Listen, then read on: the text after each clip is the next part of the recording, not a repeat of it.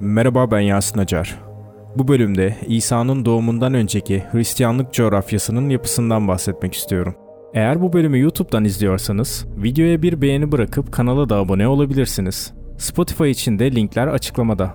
Keyifli dinlemeler. Musevi dininden sonra ortaya çıkan ikinci tek tanrıcı din Hristiyanlıktır. Ancak bu dinin doğup geliştiği topraklar üzerinde, kurucusunun yaşadığı bölgede yani Filistin'de çok önceden doğmuş, benimsenmiş başka inançlar, başka dinler vardı. Hristiyan dininden önce Filistin bölgesinde egemen olan Musevi dini için önemli olan bütün insanlar değil, yalnız İsrailoğulları ile onların soyundan gelenler, gelecek olanlardı. Tarihi boyunca komşu ulusların saldırılarından, egemenliklerinden kurtulamayan İsrailoğulları ülkesi, M.Ö. 4. yüzyılın sonlarında yeni bir saldırıya uğradı. Makedonyalı Büyük İskender bütün ön Asya'yı eline geçirdiği gibi Mısır'ı da egemenliği altına almıştı. İskender çok tanrılı bir dine bağlı olduğu için İsrailoğullarının tek tanrıcı ben merkezli dinine karşı ilgisiz kaldı. Onun ölümünden sonra yerine geçen imparatorluğu bölüşen kumandanlar da çok tanrıcıydı. Bu nedenle Filistin yörelerini yöneten yetkililerden tek tanrıcı Musevi dinine karşı bir yakınlık beklenemezdi. Durum böyle giderken bir başka güçlü devlet yani Roma ön Asya'yı ele geçirdi. Bütün Mezopotamya bölgesini egemenliği altına aldı. Ama Romalılar da çok tanrıcı bir dine bağlıydılar. İşte bu dönemde İsrail tek tanrıcı inançları ile çok tanrıcı Roma inançları arasında çatışma, anlaşmazlık baş gösterdi. Romalılar egemenlikleri altında bulunan ulusların inançlarına pek saygılı davranmıyorlardı. Bu nedenle din çatışmaları, inanç anlaşmazlıkları, zamanla toplumlar arası çekişmelere, küçük boyutlu savaşlara dönüşüyordu.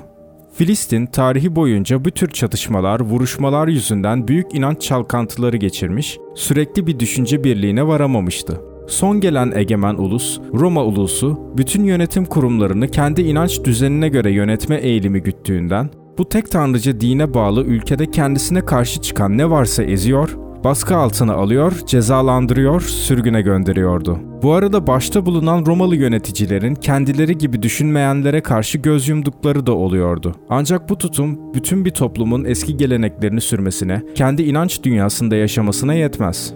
Roma yönetimi altında bulunduğu sürece Filistin'de durum böyleydi. Bu yönetim durumunun bir de arka yanı vardı. Egemen topluluk, yönetimi altında bulunan insanlara kendi ahlak anlayışına, inanç düzenine göre davranıyordu. Bu nedenle Roma ahlakı ile eski Mezopotamya uluslarının ahlakı birbiriyle bağdaşmıyor, çatışıyordu.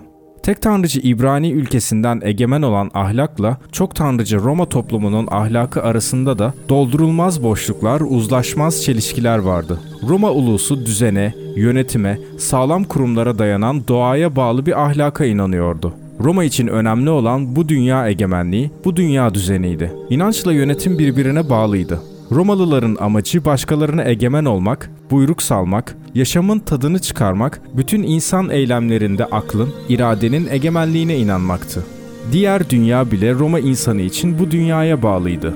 Oraya bile buradan gidilirdi.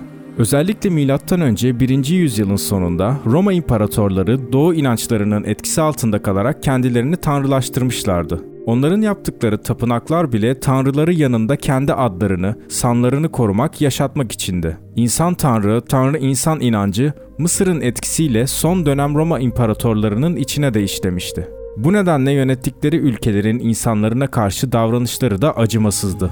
Romalılar yalnız kendi tanrılarına inanıyor, egemenlikleri altındaki Filistin insanları ise Tanrı'nın yalnız kendi ulusunun, İsrailoğullarının tanrısı olduğunu ileri sürüyor, öteki ulusları küçük görüyor, aşağılıyordu. Bu konuda Roma insanının inancı ile İsrailoğullarının ki bağdaşıyor, birbirine benziyordu. İki toplulukta da kendinden olmayanları ezme, köle etme eğilimi egemendi. Ama yönetim Roma'nın elinde olduğu için yalnız İsrailoğulları dışında kalan toplumları değil, İsrail oğullarını da istediği gibi eziyor, çalıştırıyor, köle olarak kullanıyordu. Bütün tarih süresince sürgünlerde yaşamış, dağınıklık içinde kalmış, değişik ulusların inançları ile karışmış bir ahlak ortamında bulunan Filistin insanları, değil Roma'nın kendi dininin bile buyruklarına, gereklerine aykırı davranıyor, kendi koyduğu ahlak düzenini kendisi yıkıyordu. Bu tutum Filistin ve çevresinde bir ahlak dengesizliği, bir inanç başıboşluğu yarattı. Toplum alışıla gelen ahlak kurallarının dışına çıkmış, genel geçerliliği olan tek bir ahlak ilkesi kalmamıştı. Eski ahidin yasakladığı bütün eylemler, bunların arasında hırsızlık, adam öldürme, yakınların arasında evlenme, yalancılık, vurgun gibi şeyler var. Bunlar almış başını yürümüştü. Kutsal kitabın yasakladığı eylemler, bildirdiği yıkım gelip çatmış gibiydi. İnsanları kurtaracak, bu bozuk düzeni düzeltecek, yeryüzünden ahlaksızlığı kaldıracak bir kimsenin geleceğini, yeryüzünde insanları mutluluğa kavuşturacak bir devletin kurulacağını daha önceden eski ahit bildirmişti. Milattan önce 1. yüzyıl boyunca Filistin ile komşu ülkelerde etik kurallar alabildiğince bozulmuştu. İsrailoğulları böyle bir durumun ortaya çıkacağını, yeryüzünde düzenin, ahlakın bozulacağını, kötülüğün alıp yürüyeceğini eski ahidin birçok yerinde okumuş, bu durumu düzeltecek bir kralın geleceğini yine eski ahidin Yeremya ya da Ceremaya bölümünde görmüştü. Roma'nın elinde tutsak olan Filistin halkı kendini büsbütün dine, eski inançlara, eski mistik geleneklere kaptırmış, kurtuluşu göklerden gelecek olan bir ulusal varlıktan beklemeye alışmıştı. Musevi dini üstü kapalı olarak Yahudi ulusunun mutlu olacağını, kurtulacağını öne sürüyordu. Bu inanç o çağın Filistin toplumunda çok yaygındı.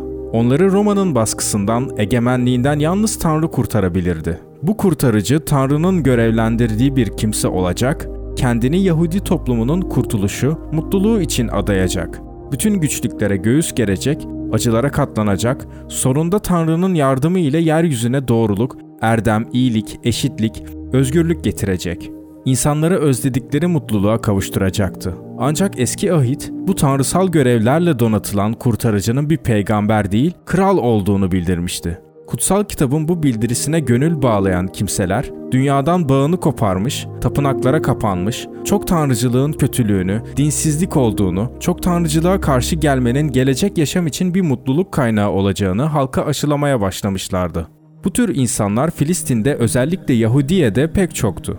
Halkın yüreğine de böyle birinin geleceği inancını körükleyenler de bu aşırı dinci Yahudilerdi. O çağda Yahudiye bölgesi bu gibi mistiklerin dünyadan ele tek çekerek halkı içe kapanışa itenlerin kaynaştığı yer olduğundan Romalı yöneticiler de baskıyı en çok burada arttırmışlardır. Milattan önce 1. yüzyılın sonunda Yahudiye'de gizliden gizliye bir kurtarıcının yakında geleceği söylentileri yayılmaya başladı. Yahudi halkının en aşırı dincileri, en koyu gelenekçileri aracılığı ile yayılan bu söylentiler kurtuluşu gökten bekleyenlerin ilgilerini belli bir konu üzerinde eski ahidin bildirdiği tanrısal görevli kral çevresinde yoğunlaştırdı.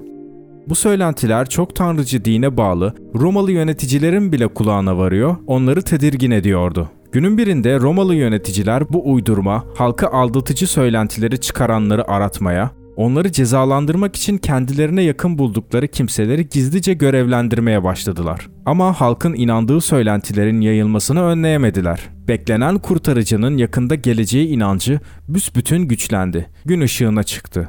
Vaftizci Yahya'nın yaydığı söylentilerin halk içinde iyice yerleşmesinden kısa süre sonra Tiberius yönetiminin 15. yılında Yahudiye'de İsa ortaya çıkıp peygamberliğini açıkladı ve böylece Hristiyanlık dini başlamış oldu.